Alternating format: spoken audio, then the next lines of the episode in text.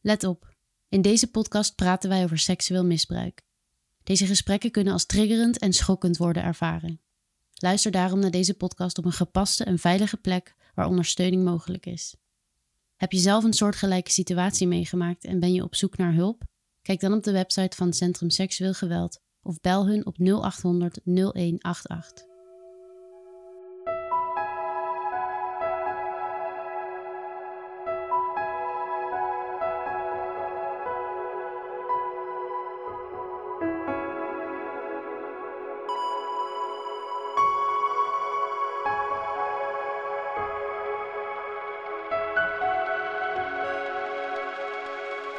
Welkom bij de podcast Medusa's Missie. In deze podcast ga ik in gesprek met slachtoffers van seksueel misbruik die hun verhaal met mij willen delen.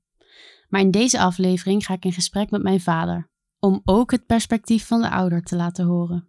Hoi papa. Hallo Fleur. Hoe is het met je vandaag? Vind je het spannend? Uh, ja, een beetje wel. Het is uh, en een uh, moeilijk onderwerp waar we nou niet echt heel vaak met elkaar over praten. Het is ook al wel weer een tijd geleden. Ik ben ook een beetje bang dat ik het allemaal niet meer helemaal goed weet. maar ik vind het wel heel bijzonder om dit met jou te doen. Ik ook, maar ik vind het ook heel spannend. Dat had ik ook net al gezegd. Maar we gaan gewoon, we doen gewoon, we kijken wel. Dat lijkt me komen. Goed. Ja. Om te beginnen, waarom vind je het belangrijk dat jouw perspectief wordt verteld? Of het perspectief van een ouder? Nou, het eerste om te zeggen is dat ik het super tof vind dat jullie deze podcast maken. Omdat het verhaal van mensen die dat hele nare misbruik hebben meegemaakt niet makkelijk verteld wordt. Mhm. En dat geldt ook voor ouders die uh, niet gewend zijn om over dat soort dingen te praten en uh, ja, daar open en eerlijk over te zijn. Dus dat uh, hebben mama en ik ook heel moeilijk gevonden met jouw verhaal. En uh, om nu dat verhaal met jou te delen, zodat andere mensen daarbij kunnen stilstaan. En zich misschien heel langzaam daarmee ook wat vertrouwder gaan voelen met het onderwerp. Dat, uh, dat zou prachtig zijn. Wat hoop je dat het mensen brengt om jouw verhaal te horen? Wat hoop je dat het ouders brengt? Nou ja, eigenlijk wat ik net zei, is dat um, ik hoop dat door te luisteren naar een ervaringsverhaal van jou en mij, ons gezin, dat uh, ja, eerst uh, mensen zich bewust worden van hoe zo'n verhaal eruit kan zien. En uh, aan de andere kant ook ontdekken dat het geen schimmig, geheim verhaal is. Dat je binnen de muren van je huis moet houden. Maar dat ja, er openheid over geven en het met elkaar delen, dat dat ontzettend kan helpen. Dat hoop ik. In aflevering 1 heb ik mijn verhaal verteld, maar zou jij vanuit jouw perspectief kunnen vertellen wat er in die tijd is gebeurd? Dat wil ik wel proberen. Het eerste wat ik me herinner is dat ik uh, s'avonds met mama op de bank zat en dat jij net met mama had gebeld. En dan hadden we wel van jouw school al gehoord dat er iets met je aan de hand was, maar wisten niet precies wat. Hadden wel al een beetje zorgen. Maar toen hoorde mama van jou wat er uh, feitelijk was gebeurd. En ja, mama was natuurlijk geschokt. En uh, ik schrok ook heel erg van. En toen hebben we eigenlijk niet geaarzeld en gedacht, uh, we moeten naar je toe. Maar je was niet gewoon in de buurt. Je zat in Engeland, waar je in Oxford een talencursus aan het doen was. Daar was je met heel veel plezier en vol verwachting naartoe gegaan omdat je een tijdje daarvoor dat al drie weken had gedaan en toen echt de tijd van je leven had gehad. En wij waren dus ook eigenlijk heel blij dat je met zoveel zin er naartoe was gegaan. En nu ineens lag dat in duigen. Dat vonden we echt heel verdrietig. Ja, we wisten gewoon niet zo goed wat er nu allemaal op ons af ging komen. En wat er op jou af zou komen. Maar we dachten, we moeten er gewoon naartoe. Dus we hebben gelijk een uh, doortocht door de tunnel mhm. tussen Nederland en Engeland geboekt en zijn de, dezelfde avond nog vertrokken. S'nachts of s ochtends, ik weet niet meer precies hoe laat. En daar hebben we jou opgezocht bij het gastgezin waar je verbleef. Ja, dat was eigenlijk gelijk allemaal awkward. Mhm. Omdat um, het gastgezin was best een beetje een bijzonder gastgezin. Heel eenvoudig gezinnetje met eh, lieve mensen, die nou niet heel subtiel eh, met alles omgingen. Ja, en jij was daar eh, toch wel al een beetje in jezelf gekeerd, denk ik. En het was best moeilijk om ehm, ja, hier heel goed contact met elkaar over te hebben. Ik denk dat wij heel lief voor jou waren en dat jij je stinkende best deed om ons goed te ontvangen. En we hebben heel hard nagedacht over wat we allemaal moesten doen. Praten met school en praten met de recherche. Die, die avond volgens mij, of de volgende dag, gelijk daar in dat huisje van die mensen op bezoek kwamen. Dus wij zijn daar denk ik een paar dagen geweest. Ik weet niet meer precies hoe lang. Om al die dingen te doen.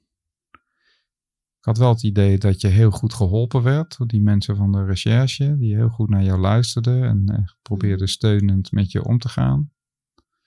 Maar ja, het was allemaal heel onoverzichtelijk en, en heftig. En oh ja, gewoon, we hadden dat ook nog nooit meegemaakt. En toen heb jij na een paar dagen, ik weet niet meer precies hoe lang, gezegd: Ik wil nog niet mee terug naar huis. Ik kon ook nog niet mee terug naar huis. De politie had mij nog nodig. Ook nog. Maar je wilde ook niet. Nee, Je zei: Ik wil niet zo weg ja. van Oxford. Ik wil niet dat het laatste wat ik me ervan Mhm. herinner eh, dit hele slechte verhaal is. Ik blijf nog een tijdje. Mhm. Gelukkig had je heel goed contact met Hetty, die je daar had ontmoet. En die eh, was behalve een hele lieve vriendin voor jou, eh, ook een ervaringsdeskundige die precies wist wat wel en wat niet te doen. Nou, dat was voor ons echt een verademing. Mhm. Eigenlijk heel lang, ook, ook nadat je al lang weer in Nederland was. Dat eh, er altijd Hetty was Mhm. voor jou om mee te praten. Maar ook af en toe heb ik wel contact met haar gehad, waarin zij mij ook een beetje hielp om het op het goede perspectief of in het goede perspectief te zien. Mhm. Het die was super belangrijk. Maar je bent denk ik nog een weekje of zo daar gebleven. Nee, al nog een maand. Echt waar? Ja, ze kwamen pas drie weken later dat ze mijn telefoon nog wilden hebben. Dus ik heb daar drie weken op moeten wachten. En toen wilden ze mijn telefoon nog eens hebben. En toen moest ik nog een week wachten totdat ik hem terugkreeg. Toen ben ik uiteindelijk op 17 oktober pas of zo Oh, terug echt? gegaan. Ja. Ja. Nou, moet je nagaan. Er is blijkbaar ook van alles met mijn eh, geheugen gebeurd. ja, maar dat is ook logisch. Ook bij mij hoor. Maar, Ja. Ja. Ja, en toen ben je teruggekomen. Ik denk maar ook jullie wel- zijn ook nog een paar keer op en neer gegaan hè? Want Merel is ook nog geweest met mama. En jij bent volgens mij ook nog een keer terug geweest. Jullie kwamen elk weekend. Wow. Weet je dat niet meer? nee. Nee. Ja, ja echt. nou. En ik weet ook nog dat ik het altijd heel fijn wilde als jullie kwamen, maar ik was ook heel geprikkeld. En dat weet ik, want ik had altijd zo'n strijd met mezelf van ze komen voor mij. Ik moet heel aardig doen, zij hebben het ook zwaar. En dan waren jullie daar. En dan voelde ik alleen maar dat ik afstand nodig had. Ik vond het gewoon fijn dat jullie er waren, maar ik wilde ook niet bij jullie slapen toen, weet je nog. Ik bleef toen gewoon in dat gastgezin slapen. En dan zag ik jullie overdag en dan bleef ik daar in dat gastgezin, omdat ik, het, ik vond het zo moeilijk om jullie te zien. Mhm. Heftig. Ja. Jullie waren het weekend gekomen en op de maandag hebben wij ook nog met, ehm, met de school gepraat waar ik toen zat. Kan je daar nog iets van herinneren? Jazeker. Dat was spannend. Ja. En voor jou niet te doen Nee, eigenlijk. ja. Jij was eigenlijk eh, voor dat gesprek al klaar met school. Boos, ja, echt, ja. Omdat je helemaal niet had ervaren dat zij op een goede manier op je afstemde. En op een goede manier omgingen met wat jij verteld had. In ieder geval was het zo dat ehm Hetty, die, eh, met wie jij van tevoren had gesproken, die had zo heel nadrukkelijk aan jou duidelijk gemaakt dat het echt belangrijk was dat er niet opnieuw over jouw grens gegaan zou worden. En dat jij dus jouw tempo mocht bepalen en eh, zelf mocht bepalen wat je wel en niet zou doen. Maar daar ging school eigenlijk overheen door eh, een beetje hun eigen plan te trekken en te vinden dat de politie bij moest komen en eh, te vinden dat het met de directrice besproken moest worden. En daar was je heel boos over. En eh, uiteindelijk zijn wij samen in gesprek gegaan met de directrice. En ik moet zeggen dat het een hele nette mevrouw was, die zo zichtbaar haar best deed om een heel goed gesprek met ons te voeren. Eh, maar uiteindelijk wel ook heel formeel zocht naar oplossingen. En dus onder andere moet zeggen van eh, ja, zolang er geen veroordeling is geweest, dan eh, is er dus ook nog geen dader. En ja, kunnen we niet, uh, we kunnen eigenlijk geen onderscheid maken tussen jou en die ander. Al hebben ze wel besloten, bedenk ik me nu, om uh, degene om wie het ging uh, naar een andere locatie van hunzelfde school te sturen. Mm -hmm. Dus dat deden ze wel, maar ze concludeerden toch ook dat jij niet kon blijven. Mm -hmm. En dat was eigenlijk ook wel een soort pijnlijk, omdat je daarmee toch weer een soort nog tweede klap in je gezicht kreeg. Dus um, ja, het was een hele keurige, vriendelijke, professionele directrice. Maar wij gingen niet weg met het gevoel dat jij goed gehoord was. Ja, het was best frustrerend eigenlijk. Het was heel frustrerend. Ik weet het nog dat ik daarna ben ik ook boos weggelopen. Weet je dat nog? Ja. Dat gedoe met die school, dat negeer ik nog maar heel graag altijd. Dat snap ik. Ja, het was ook een enorme domper, want je zou nu niet voor drie weken gaan, maar voor... Drie maanden. Drie maanden. Ja. Het was op de eerste dag, dus ik moest gelijk weg. Ja. Maar het vervelende vond ik dat zij... Eigenlijk zei zij dat ik moest gaan, maar ze zei het zo op die manier dat ze het liet klinken alsof het voor mijn eigen veiligheid was. En dat ze, dat ze echt aan mijn kant stond. En ik voelde me alleen maar van, je geeft mij nu de schuld. Ik moet nu weg. En ik kreeg ook het gevoel dat jullie probeerden heel erg de vrede te bewaren. En dat snap ik nu echt heel goed. Ik zou het precies hetzelfde hebben gedaan. Mm. Maar toen had ik het gevoel van iedereen is tegen mij. Mm. En dat vond ik zo lastig. Terwijl echt, ik weet, ik snap het echt. Ja, auw. Ik weet. ja, ik herken het heel erg, Fleur. Uh, op allerlei manieren denk ik dat uh, wij, of laat ik maar over mezelf praten, dat ik uh, de behoefte had om de dingen soort van in goede banen te helpen leiden. Mm -hmm. En dus ook goed om te gaan met school, Mm -hmm. waarvan ik ook wel kon zien dat het voor hun ook een heel ingewikkelde situatie was, wat niet, geen dagelijkse kost is. En dus heb ik me best laten verleiden om ja, een beetje rekening te houden met ieders belang. Mm -hmm. Of geïnteresseerd te zijn in ieders verhaal. Zelfs in dat van de dader. Ja, dat, uh, dat zou ik ook allemaal anders doen nu. Want ik begrijp inmiddels heel goed hoe jou dat het gevoel heeft gegeven dat je er toen eigenlijk in je eentje voor stond. Ja. Al was gelukkig Hetty. was gelukkig Hetty er. Ja, Hetty was overal. ja, dus ik weet nog dat wij eigenlijk best heel teleurgesteld de school weer verlieten. Mm -hmm. En dat we daarmee ook begrepen dat jij uh, ja, gewoon dus die opleiding daar niet meer af kon maken. Terwijl jij nog wel een tijdje wilde blijven. Dat vonden we heel ingewikkeld. We maakten ons ook heel veel zorgen om jou. Dat je niet in een soort uh, crisis zou raken en het allemaal niet meer zou overzien en niet meer aan zou kunnen. En wij gewoon rustig weer terug in Nederland uh, zouden zijn. Dus daar hebben we wel eventjes over gepiekerd. Van wat moeten we er nou mee? En uiteindelijk hebben we gedacht, uh, we moeten Fleur volgen. Als het voor haar belangrijk is om nog een tijdje te blijven. En um, nou, we weten dat we wel contact met je kunnen hebben via de telefoon. En dat je ook niet helemaal alleen bent, omdat nou, tenminste Hetty in de buurt was. Mm.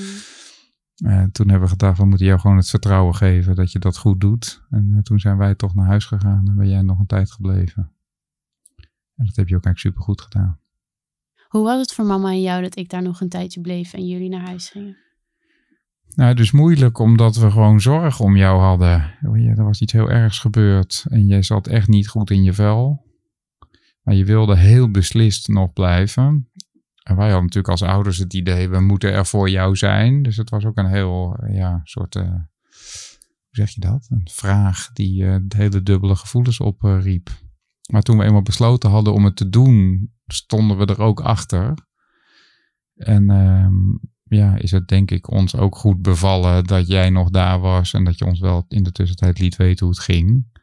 Ja, en waren we natuurlijk thuis. Ja, ik kan me ook niet meer zo heel goed herinneren. We waren heel erg van onder de indruk en we wilden weten hoe het verder zou gaan. En er kwam natuurlijk die hele zaak met de met politie en het idee om uh, er een, uh, hoe zeg je dat, aangifte van te doen. En, en, dat was al gebeurd.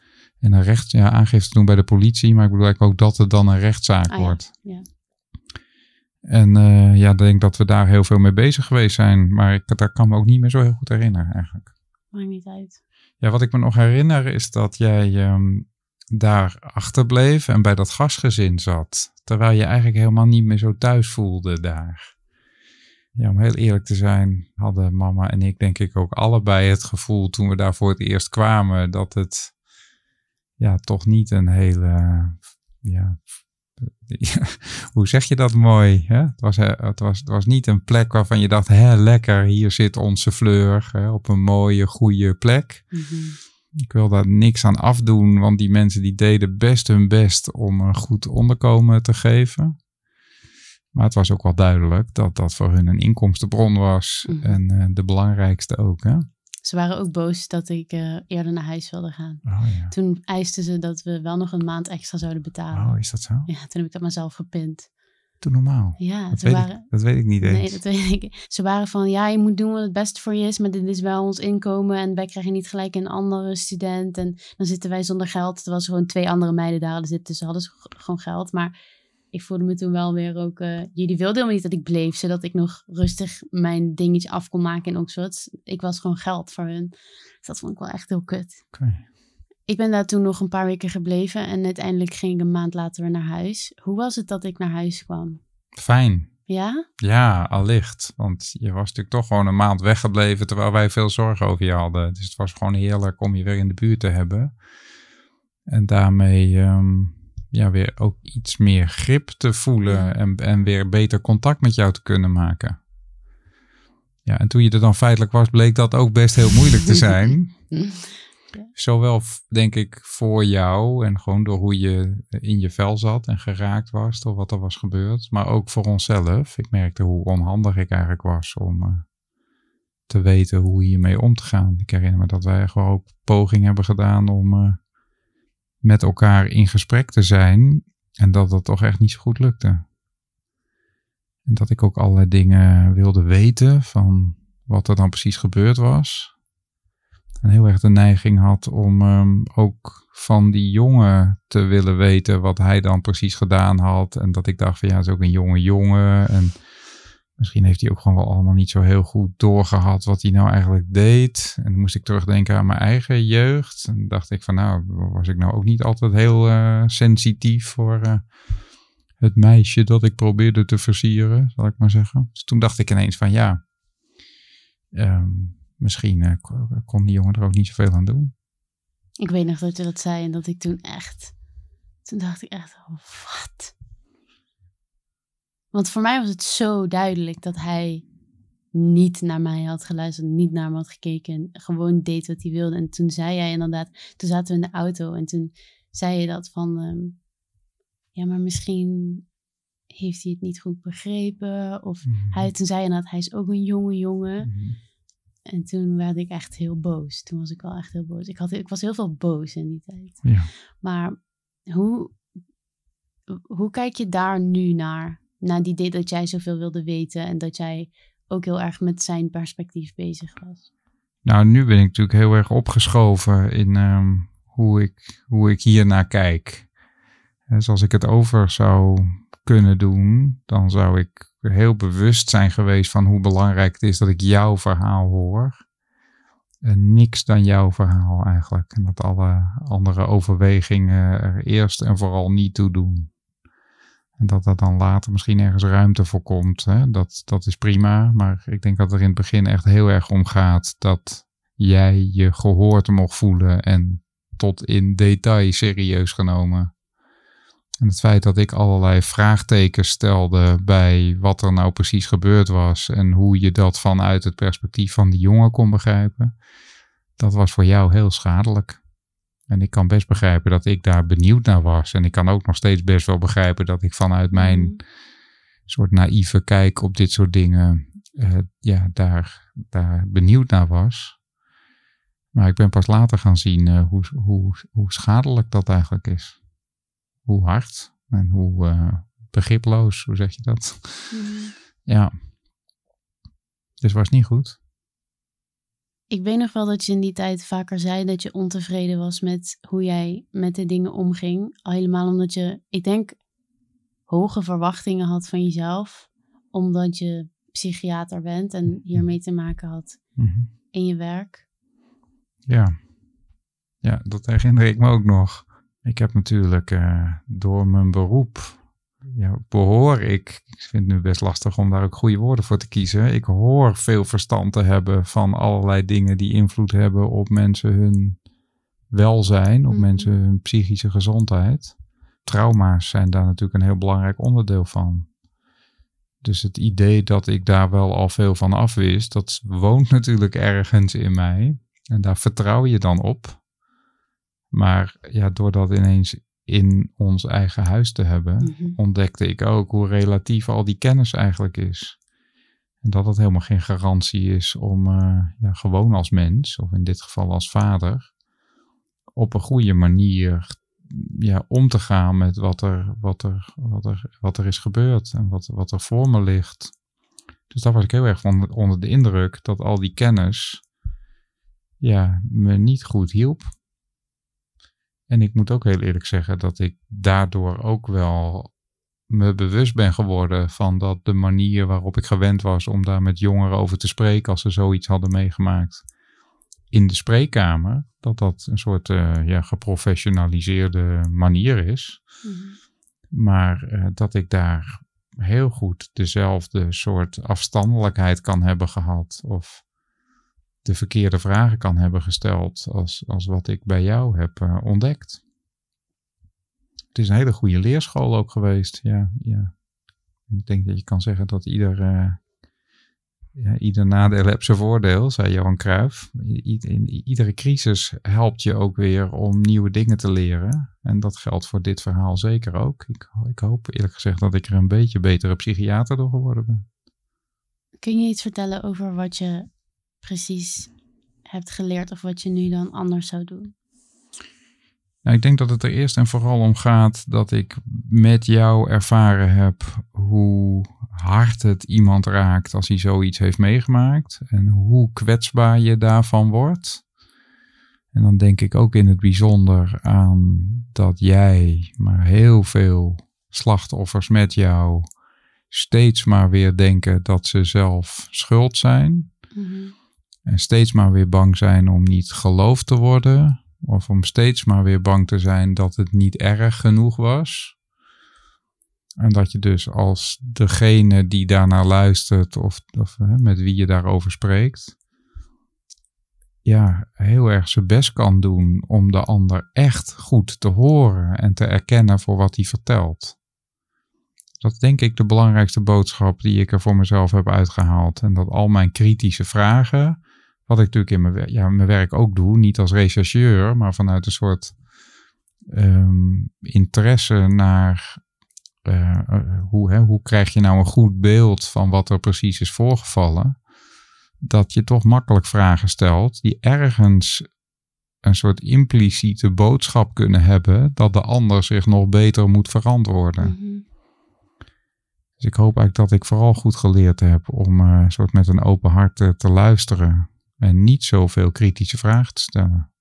En, da- en daar zit eigenlijk ook in, bedenk ik me nu, dat ik nog een soort eh, misplaatst onderscheid kon maken tussen vormen van seksueel geweld. Ik kan me bijvoorbeeld herinneren dat ik wel eens met iemand gesproken heb over eh, dat ze orale seks moest hebben. En dat ik toen nog het naïeve idee had dat dat minder ernstig was dan wanneer je vaginale seks hebt.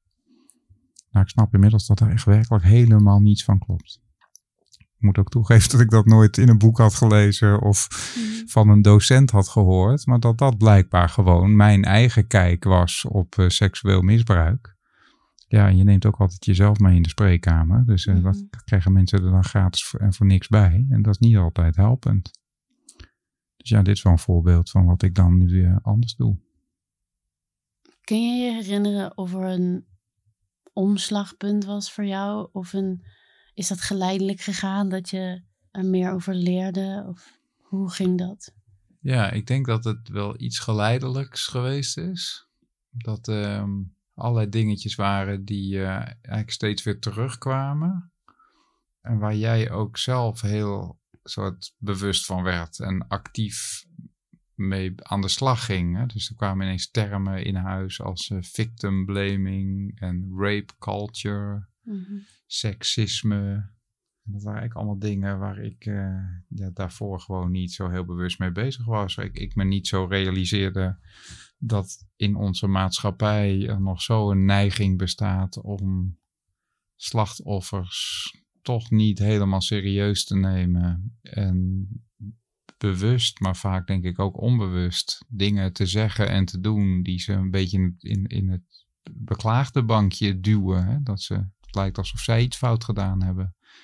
Nou, het gaat ook gewoon over grens, over seksueel grensoverschrijdend gedrag. Dat is natuurlijk dan hè, door jouw verhaal bij ons in het gezin uh, een, een, groot thema geworden. Maar dan ook toevallig nog de afgelopen, zeggen ze wat, 1, 2 jaar in de media natuurlijk ook nog een groot thema geworden. En dat ik me er steeds bewuster van geworden ben hoe mensen in het algemeen, maar mannen in het bijzonder, ja, zich niet goed genoeg bewust kunnen zijn van ja, respectvol met vrouwen om te gaan. En dat ik ook dan terugkijk naar mijn eigen leven en naar mijn eigen jeugd vooral, waarin uh, niets leuker was dan uh, bij het uitgaan uh, op de versiertour te gaan. En ja, ik weet van mezelf echt wel dat ik geen agressieve, gewelddadige jongen ben geweest. Hè? Dus ik, zal nooit bewust over de grenzen van een meisje zijn gegaan. Maar ik denk eigenlijk wel dat het heel goed kan dat ik in mijn geversier toch ook, uh, zeg eens wat, aan de borsten van een meisje heb gezeten die dan zei nee. En dat ik dan vijf minuten later dat nog een keer probeerde, omdat ze wel wilde zoenen. Maar dan niet verder wilde. En dat ik dat dan niet, ja, dat respecteerde ik toch eigenlijk gewoon niet. Probeerde ik gewoon nog een tweede keer en weer later ook nog wel een derde keer. En uh, daarvan denk ik nu, ja, dat, dat, dat is niet zoals dit, het spel van de liefde gespeeld moet worden. Doordat dit steeds weer terugkwam, ben ik geleidelijk aan ja, wakker geworden of dingen beter gaan zien. Ik weet nog dat ik voelde me in die tijd heel onbegrepen en daardoor werd ik ook, was ik ook vaak boos en hadden we ook turbulentere band. En ik weet dat jij op een gegeven moment tegen me zei van laat me dan wat lezen of wat zien of ik wil er echt graag over leren. En toen heb ik je een lijst met TED Talks gegeven en heb ik je wat laten zien en ik weet dat je vanaf toen begon je er steeds bewuster van te worden. En voor jou voelde het dan als geleidelijk aan. Maar ik heb dat echt zien veranderen. En dat was voor mij, dat, dat maakte voor mij gelijk alles weer goed. Want ik zag hoe hard jij en, en mama jullie best deden om het beter te doen. En, en dat betekende zoveel voor mij. Omdat ik, ik had het een beetje. Eh, ik voelde me steeds zo gefrustreerd dat ik dacht. Op een gegeven moment dacht ik ook van. Ah, laat maar gaan. Of um, mm. ik ga het niet meer proberen. En toen gingen jullie heel erg je best doen. Ik was daar gewoon heel blij mee. Mm nou, dat heb je me ook vaker gezegd. Dus dat moedigde mij ook weer aan. Ik denk dat ik er ook gewoon heel blij mee ben dat we elkaar daarmee ook weer konden terugvinden. En uh, ja, uiteindelijk op de weg van jouw herstel ja, ook beter hebben samengewerkt. En uh, ik weer het gevoel heb gekregen dat ik wat voor je kon doen. Mm Ja, tegelijkertijd zijn er ook altijd dingen gebleven die beter hadden gekund, denk ik. Maar dat is ook zoals het is. Ja. Ik denk dat het in die tijd echt een heel wederzijds gevoel van machteloosheid was. Mm -hmm. Want ik wist ook niet meer wat ik met jullie aan moest. Want ik, ik had ook dat ik had het steeds over mijn bubbel. Gewoon niemand mocht in mijn bubbel komen. En ik zag hoe jullie dat frustreerden, want jullie wilden me gewoon een knuffel mhm. geven of zo.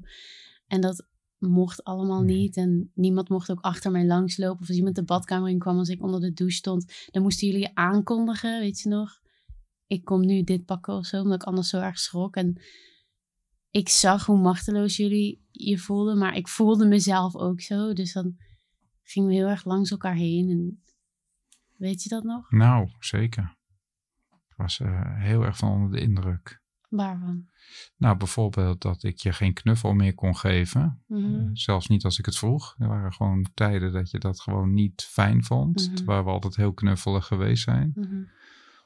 En dat ik daar dus ook weer ja, moest gaan beseffen dat al die dingen voor jou een soort triggers waren om weer terug te gaan naar uh, het trauma. Terwijl ik toen, dat weet ik ook dat ik letterlijk een keer gezegd heb van ja, god, ik ben eh, die jongen niet. Ik ben je Mhm. vader. Doe, Mhm. doe niet zo moeilijk. Kom, ik wil jou gewoon een knuffel geven en die is veilig en lief. Ja, en dat ik ook daar pas later weer me realiseerde dat het zo makkelijk niet is. Een ander ding waar ik aan moet denken is dat er woorden waren die we niet meer mochten gebruiken. Mhm. En ehm, Ja, en de, he- het hele, de hele familie was in on it. Iedereen wist welke woorden niet konden als ik er was. En, Nou, dus dat, dus ja, ik zie ook nu ook in hoe, hoe een leerproces het is geweest. Want het was en heel goed om te gaan beseffen dat dingen heel gevoelig waren geworden. En weer een tijd later, hè, toen waren we bij Sidetrack waar jij je behandeling hebt gehad. En daar leerde ik dan ook eigenlijk weer dat het ook niet goed was Mhm, om als ouders dan eh, heel erg mee te gaan vermijden. mhm. Dus het is ook heel dubbel. Hè? Ja, aan de ene kant eh, is het echt goed om te beseffen hoe gevoelig het ligt. En er dus voorzichtig mee te zijn. Terwijl je aan de andere kant ook weer op moet letten dat je niet eh, samen als hele gezin Mhm. een grote posttraumatische vermijdingsmachine wordt, zal ik maar zeggen. Ja. Ik heb natuurlijk bij Psycheck ook geleerd dat vermijden het, het allemaal in stand houdt, die angst allemaal in stand houdt.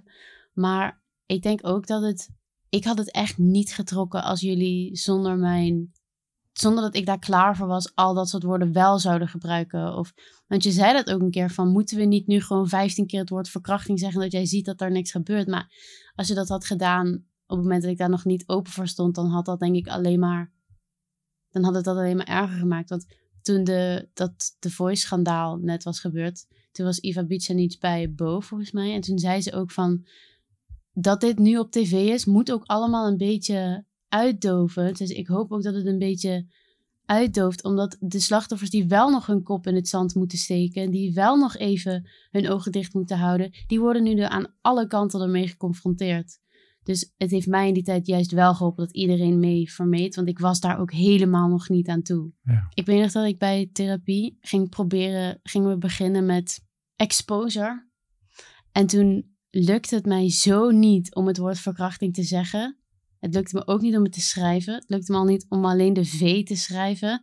En toen gingen we memory doen met woorden en dingen. En toen moest ik ze stempelen. Nou, en dat kostte me al zoveel moeite. Dat ik echt, ik, ja, ik snap dat het voor mij niet goed is, maar het heeft me toen wel door dat jaar heen gesleept. Dat ik gewoon maar kon doen alsof. Of gewoon in ieder geval dat uit de weg kon gaan. Ja, ik denk dat je dat heel goed uitlegt. Dus dat het ook niet zo raar is, dat, dat hoor ik eigenlijk nu, nu jij Mhm. dit vertelt, dat het gewoon niet raar is dat je daar als degene die er last van hebt, jij, maar ook als mensen die daar omheen leven, zoals wij als jouw ouders, ja, niet, je kunt niet van mensen verwachten dat ze dat allemaal weten en goed doen. Dus het is zo voor de hand liggend dat je met elkaar vastdraait. Mhm.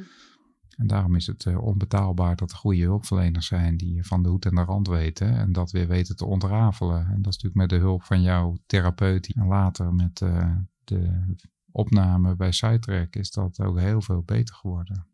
Wij zijn voordat ik bij Psycheck eh in behandeling ging, zijn we een paar keer samen naar mijn therapeut geweest. Mhm. Hoe was dat voor jou? Mijn eerste reactie is fijn. Toen dacht ik wel gelijk, hoe zeg ik dat misschien niet te snel, want het was toch ook spannend. Mhm. En ik wist ook dat ik erheen ging, eh, mede omdat het niet allemaal alleen maar goed ging tussen Mhm. ons. Dus ik heb ook wel een beetje mijn hoofd moeten buigen om eh, bij jouw therapeut in de spreekkamer te zitten, die ook weet dat ik psychiater ben. Ja, en er gewoon te zitten als jouw papa, die je ook Maar- niet alles goed doet. Therapeuten weten ook. Die, ik denk dat alle therapeuten, als er mensen op de wereld zijn die begrijpen dat je als therapeut daar los van ook ouder bent, dan zijn zij hetzelfde. Ja, gelukkig wel. Maar sorry, hoe was dat voor jou? Wat, Nou, dus, dus spannend, maar ik denk ook dat het goed gelukt is. Hè, om een soort van mijn hoofd te buigen. En denk ik, ik zit hier nu ook niet als haar collega, maar ik zit hier eh, als jouw papa. Mhm. Ja, zij hielp gewoon enorm goed om dan met elkaar in gesprek te komen. Die, die, het waren eigenlijk een soort pareltjes van gesprekken vergeleken met hoe het thuis lukte Ja. om met elkaar te praten. Dus ehm, ja, ik ben heel blij dat we dat gedaan hebben. Ik weet zelf niet meer zo goed hoe we hebben besloten dat we bij Sidecheck dat ouder-kind programma gingen doen. Maar we zijn na mijn, of na mijn, tussen mijn therapie door, zijn wij samen naar Sidecheck geweest. Mhm. Sidetrack is dus een traumacentrum die een hele korte, maar hele intensieve behandeling aanbiedt voor mensen met PTSS. En normaal gesproken doen ze zo'n behandeling dan alleen met de persoon die PTSS heeft. Maar wij hebben hem samen gedaan. Mhm. Wat kan jij je daar nog van herinneren? Hoe zag jouw dag eruit? Wat, hoe ging dat? Eh, ja, ik herinner me eigenlijk vooral dat het een topweek was. Dus ik, ik herinner, ja, dat is, dat is misschien wel weer eh, een beetje gemeen. Want jij bent daar natuurlijk door de hel van de traumabehandeling gegaan. Mhm. Ik heb dat van een afstandje een beetje mee mogen bekijken. Maar vooral ook zelf meegedaan met het ouderprogramma. Samen met andere ouders. Mhm. En een deel van de behandeling was dan ook samen met jullie, het, de groep van jongeren die, eh, die daar tegelijk in behandeling waren. En ja, het was een soort van feest. Ja, dat is een, toch niet helemaal een goed woord, maar het was een soort van feest omdat er verschrikkelijk veel gebeurde. Waarvan het onmiddellijk duidelijk was dat het hielp. Mhm. Bij iedereen. hè? Ja, het was echt indrukwekkend goed. En er ont- ontstond ook een soort groepsfeer hè, van, eh, ja, we zijn veel sterker dan wat ons is aangedaan. Jullie steunden elkaar en die ouders die steunden elkaar eigenlijk ook. En het was een soort hele hoop van her- herkenning bij elkaar van waar je mee worstelde. En die therapeuten wisten gewoon echt heel goed waar ze mee bezig waren. Ja, daar kwam heel veel deskundigheid eh, bij elkaar. Dat spatte er echt vanaf. Dus ik, en, en, en dan is nog aardig om te zeggen dat ik, we zijn er met heel veel hoop en verwachting heen gegaan. We zijn er vooral ook met heel veel trots en, en blijheid en tevredenheid weer weggegaan. Maar na jouw eerste sessie, toen dacht ik heel even van, oh nee, dit gaat helemaal niet goed komen. Dat, dat wil ik eigenlijk nog wel vertel. vertellen. Ik denk dat het een exposure sessie was, de eerste, geen EMDR. En exposure sessies zijn wel echt heel intens, eh, ben ik mij inmiddels van bewust eh, geworden. Omdat je daar eh, teruggaat in de tijd, door je verhaal te vertellen van wat er precies gebeurd is. Nou, dat is al moeilijk eh, genoeg. En dat ze om die beleving nog te versterken, dan ook nog allerlei prikkels aanbieden om je nog meer terug in die beleving te brengen. Ik verzin maar wat hijgeluiden. Ehm, eh, ja, of zelfs dat er nog een soort eh, kunstmatig gemaakte sperma aan te pas kan komen. Om het heel intens eh, Een bepaalde houding aannemen. Ach ja, Ja. nou, be- best wel verschrikkelijk als je Mhm. erover nadenkt. En jij had dan je eerste sessie gedaan. Ik weet helemaal niet wat er in die eerste sessie precies gebeurd is. Maar ik kwam dan toen je klaar was bij jullie in de behandelkamer. En toen zag ik jou daar zitten als een, echt een bleek, met betraand gezicht, verschrikt vogeltje. Je was echt heel klein en ik, ik, mijn hart brak. En ik dacht, oh jee, dit, dit, dit, dit. En ik wil naar huis, zei je. Ik wil naar huis. Je zei het misschien wel drie keer achter elkaar. Dus ik vreesde met grote vrees dat het niet goed ging. En toen zei de therapeut, het is fantastisch gedaan. Ja. Je hebt het geweldig gedaan, Fleur. Je bent er helemaal doorheen gegaan. En toen zag ik de trots in je ogen. En toen dacht ik, deze opname gaat lukken. En daarna is het ook eh, ja, eigenlijk alleen maar goed gegaan. Ik wil niet zeggen dat het makkelijk was, maar je, je hebt je daar toen wel echt doorheen geworsteld. En iedere dag ja, groeide je in kracht. En aan het einde van de week zei je, toen je weer thuis kwam en bij mama was, ik heb geen PTSS meer. Dus ja, de ervaring met Sidetrack was heel helpend. Ja. Dat raakt je. hè? Ja. Ja, doorbraakweek. Mhm. Dankjewel, Sidetrack. ja. Ik weet het ook nog. Ik vond het zo eng om daarheen te gaan. En jij zei dat we er met heel veel hoop heen gingen. Ja, ik was heel sceptisch en ik durfde niet te hopen. Want ik had denk ik al 30 EMDR-sessies gehad. En ik was al 1, 2, ik denk drie jaar bijna in Mhm. mijn herstelproces. En er was al heel veel veranderd. Maar voor mijn gevoel had ik echt niet bereikt wat kon. Dus ik was, ik was ook hoopvol, maar ik durfde ook nog niet echt te hopen. En toen gingen we daarheen en ik was zo zenuwachtig. En ik had echt we gingen daar volgens mij heen op zondag, toch? Op zondagavond moesten we ons daar aanmelden. Mhm. En toen moest ik mijn telefoon inleveren. En jij moest weg en je kwam pas de volgende ochtend terug. Maar het idee dat jij terugkwam. En dat je er weer zou zijn. En dat ik iets had van thuis. Dat dan, ik had toen een hele zware nacht gehad. En ik dacht de hele tijd, over een paar uur komt papa terug. En toen de volgende ochtend, toen hij terugkwam, toen had ik dus die sessie al gehad, want jullie begonnen later. Mhm. Toen je binnenkwam was ik zo verdrietig, omdat ik dacht, ik wil gewoon terug naar huis, naar mama. En, en toen, maar ergens voelde ik ook van, ik moet blijven, maar ik vond het zo lastig en ik weet het niet. Ik was gewoon blij dat ze er was. Mhm. En dat we het samen hadden gedaan. Mhm. Ik denk ook echt niet dat ik het alleen had gekund. Ik denk echt dat ik dan de eerste nacht naar huis was gegaan. Als ik geen vooruitzicht had dat je terug zou komen, dan denk ik echt dat ik had gezegd: Nou, bel mijn vader, maar hij komt me wel halen. Tjie. Ja, het laat wel horen hoe, eh, hoe, hoe heftig en spannend en eng het was om daar überhaupt aan te beginnen. Hm, Ja. En En die dat- andere meiden met wie we daar waren, die, wij waren daar dus zondagavond en wij hadden toen een, een welkomstprogramma tot een uur of acht of zo, denk ik. En daarna hadden wij gewoon time to kill. En dat was een hele rare avond, want we waren allemaal een beetje van... De ouders waren net weg en wij moesten dan aan die nacht beginnen. En toen zaten we met z'n allen buiten en we mochten niks inhoudelijks met elkaar bespreken, maar we mochten natuurlijk wel gewoon het hebben over weet ik veel hoe spannend het was. En iedereen zei van, ik denk dat ik eh, vroegtijdig naar huis ga. Mhm. Ik denk dat ik dit niet... Mhm. Ja. Ja, ik denk dat dat ook goed is voor, ja, voor hulpverleners, denk ik er een beetje vanuit mijn eigen werk. Om te beseffen hoeveel je eigenlijk vraagt van iemand die helemaal niet lekker in zijn vel Mhm. zit en aan iets heel engs moet beginnen. Of iets wat, wat groter voelt dan dat die aan kan.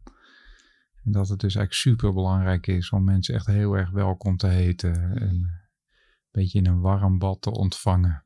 Ja. En dat is denk ik in de reguliere hulpverlening helemaal niet altijd het geval. Dat eh, Mhm. zo'n kamer waar je dan komt die bijna niet aangekleed is. Er staat een bed, een kast en een wastafel. En dat, En is dat het hadden wij beetje. wel ook daar, weet je nog? Ja. Dat kamertje bij Ja. Sidecheck. Maar de mensen daar waren zo lief, dat Mhm. trok die kamer wel weer recht. Mhm. Ja, en ik her- herinner me dat jij ook heel moeilijk vond om alleen te slapen. En dat moest daar, hè? want Ja. het was niet de bedoeling dat ik daar ook eh, zou blijven. Mhm. Dus eh, ja, je bent een gigantische drempel overgegaan om, om daaraan te beginnen. Ja. En dan is het maar goed dat ze daar zo'n fantastisch aanbod hadden. hè, Ja. Dat het ook echt de moeite waard was. Want jij hebt daar zelf ook... Ik kreeg therapie-sessies, exposure en EMDR, dat kreeg jij niet. Maar jij kreeg wel ook gesprekken, toch? Ja, Hoe, ging, hoe gingen die? nou, er waren en eh, een soort psycho-educatiegesprekken, dus Mhm. eh, sessies met alle ouders. Waarin je dan uitleg krijgt over eh, wat PTSS precies is en wat voor effecten dat kan hebben op degene die er last van heeft.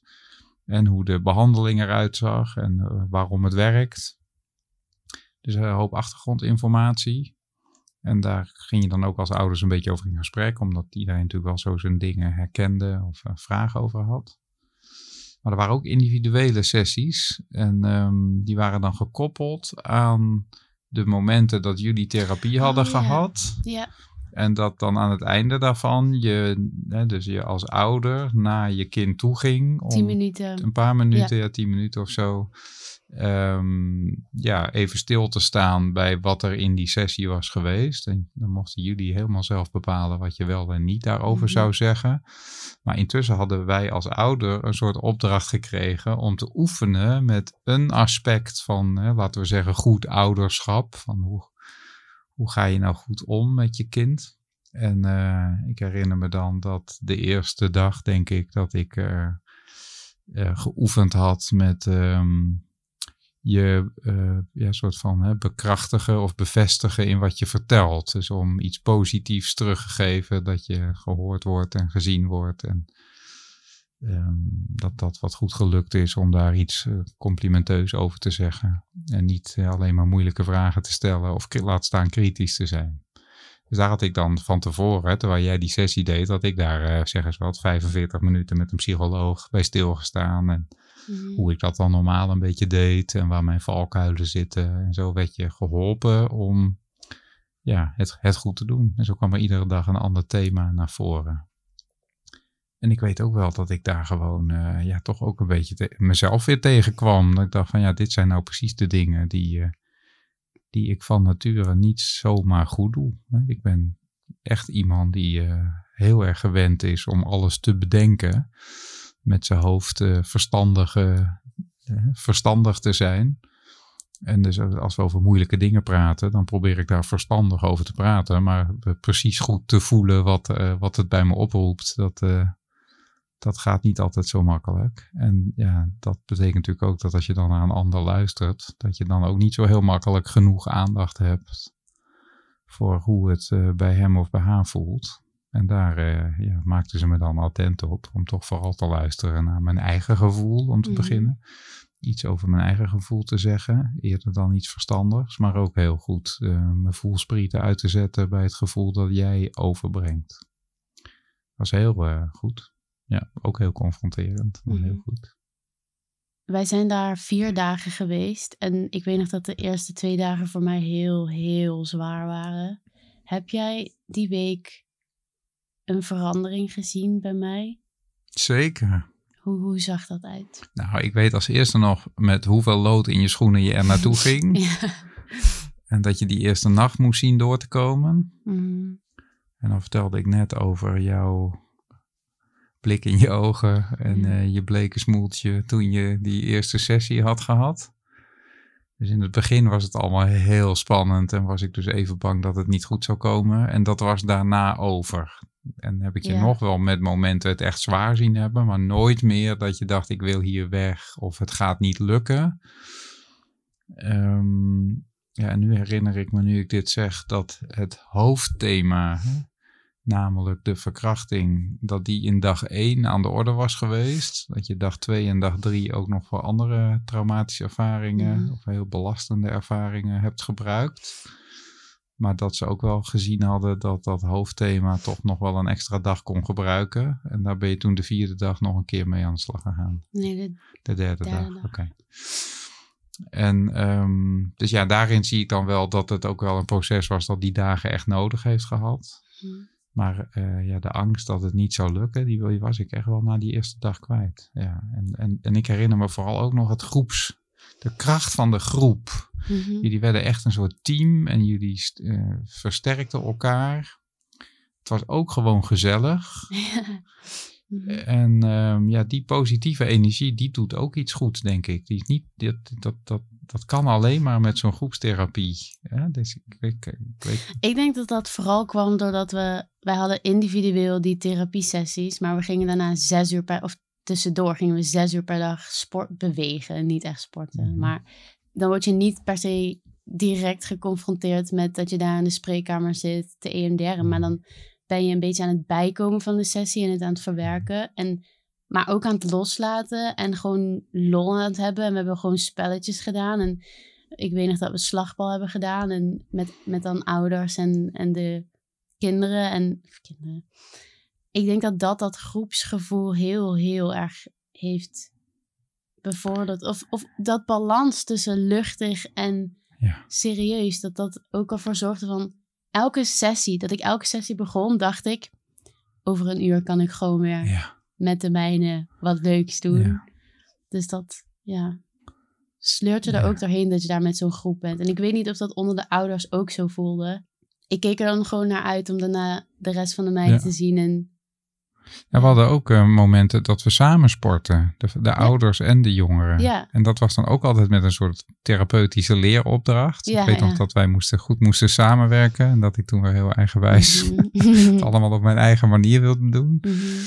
Wat jij heel irritant vond en dat die coaches of hoe die mensen heten ons daar dan bij hielpen om dat mm -hmm. uh, beter te laten lukken. Ja. Dus het was en heel leerzaam, maar het was ook eigenlijk heel vaak gewoon gezellig. En, eh, en dat het iedereen ook trots maakte. Dat er weer iets goed gelukt was. Hè? Terwijl dat thuis voorheen niet meer zo goed lukte. Dus dat was heel bekrachtigend. En het was, ik vond het ook heel fijn om dan te zien dat elk kind wel een keer een struggle momentje met de ouder had. Mhm. Van, we zijn niet de enige. En dat het helpt gewoon om in zo'n groep te zien dat andere mensen door dezelfde dingen of tegen dezelfde dingen aanlopen. En ik weet, ja. Op de laatste dag vertelde ze mij dat ik geen PTSS meer had. En we gingen naar huis in de avond. Hoe was het voor jou om naar huis te gaan? Eh, nou ja, ik denk heerlijk. Ik kan me niet heel goed meer herinneren, moet ik je heel eerlijk zeggen. Maar ik weet wel dat we een soort eufor waren over hoe goed die week was geweest. Mhm. En ja, dat het fijn was om naar huis te gaan en dat thuis te vertellen en te delen. Mama zat natuurlijk ook een soort eh, inspanning te wachten. En Merel. Dus ja, het moet, dat moet heel fijn en leuk geweest zijn. Maar ik weet eigenlijk niet meer zo goed. Jij? Ik vond het heel spannend. Ik vond het echt heel spannend, want ze hadden ons voorbereid van... Je, je zit hier zo in je, in je bubbel, in je week. We, er zitten, ik denk wel, elke... Je bent nooit zonder een professional in de buurt. Je hebt een hele groep mensen, die solidariteit. Dat, je zit helemaal in een fijne, veilige bubbel en dan ga je eruit en dan moet je het zelf doen. Mhm. En dan kom je thuis en dan moet je de mensen erover vertellen. En je moet je goede, de nieuwe dingen die je hebt geleerd, moet je volhouden. En dat soort dingen. En daarom is nazorg dus ook verplicht. Je Mhm. mocht alleen naar Sidecheck gaan als je eh, kon laten weten, ik ga daarna terug naar deze en deze therapeut. Dus ik vond het gewoon heel spannend, omdat ik had zo'n goede week gehad. En ik dacht, oh, dit moet wel, ik moet dit wel volhouden. Maar dat ging eigenlijk en eigenlijk ging dat heel goed voor mijn gevoel. Het enige was dat ze hadden ons ook voorbereid dat er allemaal nieuwe emoties los konden komen daarna. Want ik had geen PTSS meer. En in de tijd dat ik PTSS had, angst staat zo op de voorgrond. Dat de woede en het verdriet, dat was allemaal onderdrukt. Want het is ondergesneeuwd met angst. En toen die angst zo goed als weg was, was ik opeens heel boos. En heel verdrietig. Mhm. En ik weet nog wel dat dat de eerste maand, anderhalve maand misschien wel, misschien wel Mhm. twee, Mhm. heel erg toch wel nog domineerde thuis. Dat, het toch, Ja. dat ik toch nog wel heel, dat er allemaal nieuwe dingen waren. Ja. Ja, wel gezondere dingen. Ja, maar toch nog wel heftig. Ja, ik herinner me nu ook ineens weer dat ehm, we eigenlijk de conclusie trokken dat het best heel moeilijk was dat wij dat met z'n tweeën hadden meegemaakt. En dat het zo moeilijk was om het echt goed uit te leggen Mhm. Ja. aan eh, mama en Merel. Mhm. Ehm, zodat we toch eigenlijk dachten van het was nog beter geweest als je gewoon met, met het hele gezin had gemogen hè, naar Mhm. die therapie. En het was dan, de opzet was met één ouder. Maar dat we eigenlijk dachten van ja, daarmee is de andere ouder ook wel, eh, ja, die, die bungelt er dan een beetje aan en die kan Ja. niet helemaal zo goed meevolgen. ja, Ehm, moesten we extra ons best doen om dat goed uit te leggen. ja. Ja. Dus het was eigenlijk best wel moeilijk toch ook weer toen we thuis waren. Ja, ik denk dat het heel dubbel, in ieder geval voor mij was het heel dubbel. Want het was heel fijn om ook weer thuis te zijn en om nu te kijken van, zie je, ik kan het wel zelf. En ik was eigenlijk heel enthousiast om terug naar therapie te gaan en te vertellen hoe goed het was geweest. En ik was heel trots en ik had verdomme geen PTSS meer. Dus ik, ik was heel opgelucht en heel blij. Maar het was ook gewoon heel ingewikkeld. Hm. Voor mij dan vooral omdat ik met al die nieuwe emoties moest dealen, maar voor jou dus ook omdat, ja, dan voor mama, die was dan een beetje, die proberen we het dan uit te leggen, maar het is toch nooit zo alsof ze erbij was. Dus dat snap ik wel. Mhm. Ja, ik ook. Ik merkte wel toen we samen daar waren geweest en terug waren gekomen dat dit onderwerp tussen ons veel makkelijker was te bespreken. En ik voelde me veel meer op mijn gemak. En voor mijn gevoel heb je toen wel, misschien ben je dat ook gewoon vergeten, dat kan ook. Maar voor mij was het gewoon heel duidelijk dat jij daar dingen had geleerd en dat je die had meegenomen. Want ik- weet nog dat jij toen heel bewust elke keer zei van dat je me hoorde en dat je het fijn vond dat ik was gekomen. En Oké, nou gelukkig. gelukkig. hoe merkte jij dat wij, toen we terug waren, samen bij Psycheck waren geweest, wat ging er makkelijker voor jou gevoeld tussen het contact, met het contact dat wij hadden? Ja, ik denk wat er eerst en vooral makkelijker is geworden, is dat alles wat direct te maken heeft met het thema verkrachting en alle klachten waar jij last van had gehad in de tijd daarvoor, dat dat uh, veel uh, ja, lichter werd. En, dat we er makkelijker over konden praten. Dat woorden niet meer verboden waren. Dat ik je weer een knuffel kon geven. Dat, dus het, alles werd makkelijker eigenlijk. En um, ja, ik weet eigenlijk niet zo goed in hoeverre ons nou echt ons contact daardoor veranderd is. Maar gewoon het, het, het samen zijn en het samenleven was gewoon weer minder ingewikkeld geworden. Ja, en ik had juist daardoor dat ik me ook weer dichterbij voelde. En dat ik het ook weer fijner vond om uh, naar je toe te komen. En ja. Hoe heb jij zelf ondersteuning gevonden in die tijd? Want het was voor mij natuurlijk heel, een hele heftige tijd, maar voor jou ook. -hmm. Nou, ik denk dat mama en ik uh, zeker in de beginfase steun bij elkaar vonden. Dat we allebei heel erg onder de indruk waren en zoekende naar hoe goed om te gaan met deze situatie en dus met jou. Ja, dan gaandeweg dat de tijd verstrijkt, uh, sluipt het er toch een beetje in dat hè, het leven gaat ook weer gewoon door en je doet ook gewoon je best om op alle andere vlakken van het leven er iets goeds van uh, te maken dan uh, denk ik is het tenminste bij mij gebeurd om ook weer wat meer met mezelf en in mezelf ermee uh, rond te lopen. Dat is überhaupt een beetje de neiging die ik heb om dingen die moeilijk zijn dan maar zelf op te lossen. Um, dus misschien dat we daar thuis nog wel, um, soort, dat, had, dat had misschien nog wel beter gekund. Um, en, en ja, dan heb ik gelukkig een boel vrienden waar ik me zo thuis en vertrouwd bij voel, dat ik daar ook wel met mijn verhaal naartoe kon. Uh, en ik ben eigenlijk heel blij dat ik dat ook gedaan heb. Terwijl ik nu ook, nu ik dit zeg, me ook wel weer herinner hoe moeilijk dat tussen ons ook wel weer mhm. was. Omdat jij het eigenlijk heel moeilijk vond als jouw verhaal ook nog bij anderen terecht kwam. Mm -hmm. Dus aan de ene kant um, hebben we, denk ik, mama en ik, allebei geprobeerd om heel terughoudend te zijn met dat gewoon te bespreken. Maar ik weet wel dat ik ook ergens gewoon nood had om um, ja, mezelf ook niet te verstoppen naar de mensen toe die mij het beste kennen. Mm. Die vrijheid heb ik me dan ook af en toe gepermitteerd. En uh, ja, ik kan in ieder geval zeggen dat dat voor mij heel goed geweest is. En ik hoop voor jou uh, inmiddels verteerbaar. Hmm. Hm. Ik vond dat toen gewoon heel lastig omdat het in mijn eigen vriendengroep misging.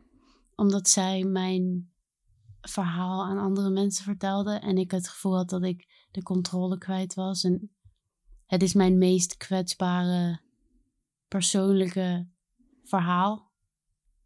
Waar ik het heel erg nodig heb dat ik degene ben die het vertelt op de manier die juist is. En toen allemaal mensen het aan andere mensen gingen vertellen, was ik zo bang dat het niet goed werd verteld. En dat ik mhm. geen controle had over wie wat daarvan vond. En dat het achter mijn rug om allemaal gebeurde. Ja, hoe is dat dan nu? Want inmiddels ben je, sta je er wel heel anders in. Ik denk dat ik heb mijn vrienden daarmee geconfronteerd. Uiteindelijk, na een jaar of twee, heb ik ze gezegd dat ik dat echt heel erg moeilijk vond. En hun reactie was heel helpend en heel helend. Want zij gaven toe, dat hadden we niet moeten doen. Dat was niet goed. En we waren toen heel jong en, en wij moesten gewoon ergens heen. En dat begrijp ik ook. En ik heb altijd, dat heb ik altijd begrepen, dat zij een uitlaat nodig hadden. En ik heb toen ook direct gezegd, toen ik het hun vertelde, als je het nodig hebt om het aan je moeder te vertellen of je zus of, of, of iemand, dan is dat oké. maar zou je dan willen vragen of ze het daar laten? En dat is dan niet gelukt. En dat vond ik heel lastig. Maar ik kan heel goed begrijpen dat mensen het nodig hebben om het iemand te vertellen. En nu kies ik er zelf voor om mijn verhaal te vertellen. En om mensen te laten meekijken en te laten luisteren. En ik vind het doodeng. En ik ben heel bang voor de reacties, maar ik vind het nog belangrijker dat andere slachtoffers zien dat het oké is. Ik had het nodig om andere verhalen te horen. Dus ik denk dat mijn drang om te helpen groter is dan mijn, mijn angst om Mhm. wat er gaat kunnen gebeuren. Dus hoe is het nu? Het doodeng, maar het is het wel waard. Oké, ik denk dat het super moedig is. Dank je. Dat je je verhaal eh, nu gewoon naar buiten brengt. En dat je er dus op probeert te vertrouwen dat mensen daar iets goeds mee doen. Mhm. En als ze dat niet doen, eh, dan is dat zo. Ja, dan is dat zo. Dan zijn dat niet de mensen die ik om me heen wil. Nee, dat hoeft ook niet. Nee. ja. Jouw verhaal, jouw verhaal blijft jouw verhaal. Wat anderen er ook van bakken. Want als ze er iets anders van bakken, is het jouw verhaal niet meer. Dat is waar. Je hebt vaker gezegd ehm, dat je dingen anders zou hebben gedaan als je er nu op terugkijkt. Als jij nu iets tegen andere ouders zou kunnen zeggen die net hieraan beginnen en die net worden overrompeld met dat hun kind seksueel misbruik heeft meegemaakt, wat zou je ze dan willen meegeven? Dat is een grote vraag, Fleur. Je hoeft geen groot antwoord te geven, gewoon iets wat jij heel graag had willen horen, iets, iets Nou, het eerste is gewoon eh, zie je kind. Neem hem of haar bloedserieus. En eh, zie je kind houdt ook in laat hem of haar de tijd nemen die hij of zij nodig heeft om ehm, het te vertellen en om zijn of haar weg te zoeken om daarmee verder te komen. Ik denk dat we allemaal heel goed de neiging kunnen hebben om dan in één klap het hele verhaal te willen weten. Of om te besluiten dat er aangifte gedaan moet worden. Of ja, zeker als dan degene die het gedaan heeft ehm, benaderbaar is. Wat in ons geval niet eh, zo was. Maar dat je de neiging kan hebben om daar dan naartoe te gaan. Of daar eh, weet ik wel wat mee te doen. Dat je, dat je als ouder niet in de valkuil moet trappen om soort de, de regie zelf te nemen, maar dat je de regie bij je kind moet laten. Dat is denk ik het allereerste. Het tweede wat ik mee zou willen geven is dat eh, je kind vertrouwen verdient. En dat jij dus ook als ouder in jezelf moet zoeken naar eh, het vertrouwen dat het goed komt. Ik ben echt heel erg onder de indruk van eh, jouw veerkracht, maar ook van de veerkracht van eh, de, de andere jongeren die we bij Sidetrack hebben ontmoet. Ik denk dat mensen in het algemeen, maar zeker mensen die aan het overleven zijn van iets heel ergs dat ze hebben meegemaakt, onvoorstelbaar veel kracht hebben. En dat het de kunst is om die kracht eh, ergens aan te spreken. En daar kun je samen naar op zoek met goede professionele hulp. Uh, maar het begint er eigenlijk mee dat je niet uit het oog verliest dat die kracht in je kind zit. Ja, en dan over die professionele hulp. Daar ben ik eigenlijk ook wel vrij uitgesproken over. Traumatische problematiek is gelukkig heel erg in de aandacht. En uh, ik denk dat de opleidingen van hulpverleners echt heel goed zijn inmiddels. En dat er heel veel therapeuten of hulpverleners zijn die daar ook echt wel mee uit de voeten kunnen. Maar desalniettemin verdient een groot trauma met heel veel echte serieuze klachten daarna ook een hele goede behandeling.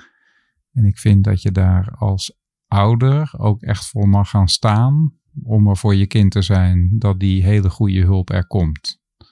Een echte traumatherapeut en als het nodig is een echt traumacentrum zoals Sidetrack, die zijn onbetaalbaar. En dat verdient je kind.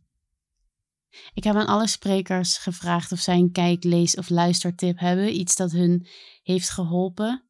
Of uh, wat zij mooi vonden. Of het mag alles zijn. Heb jij daar ook een? Ja, deze vraag had je me al ter voorbereiding gesteld. Dus ik heb erover nagedacht. En ik vond dat eerlijk gezegd best wel moeilijk. Hmm. Ik zat eventjes te denken aan het uh, grote leerboek over uh, psychotrauma van Wessel van der Kolk. Traumasporen.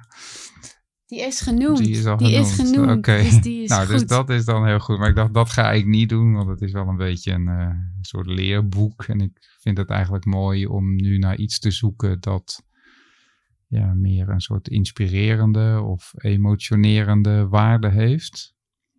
En toen kwam ik op een liedje uit dat eh, mij ooit heel erg heeft geraakt. Het is schitterend geschreven en al even mooi gezongen. Met in de versie die ik altijd luister ook nog uh, met prachtige gitaarmuziek als begeleiding. Het is een liedje van Herman van Veen en dat heet Wie. En het gaat erover dat een kind getroffen kan zijn, geraakt, gekwetst, geknakt misschien wel. En dat dat kind het verdient om gezien te worden. En dat de zanger, in dit geval Herman van Veen, uiteindelijk beseft dat ook hij tekortgeschoten is in het zien van dat kind. En dan kun je denken, hergatsie, wat een uh, zwart, nare conclusie. Maar ik denk eigenlijk dat die verschrikkelijk hoopvol is. Omdat als je beseft dat je imperfect bent en het nooit allemaal goed kan doen, dat je dan toch telkens weer opnieuw kan proberen om eh, zo goed als je maar kan de ander te zien. En dat is, vind ik, het hoopvolle van dit liedje. En uh, daar denk ik aan als wij hier uh, over praten met elkaar. Ja, dus dat is er eentje op te luisteren. Nou, het raakt me weer. ja. Dankjewel, pap. Alsjeblieft, lieverd. Ik vind echt...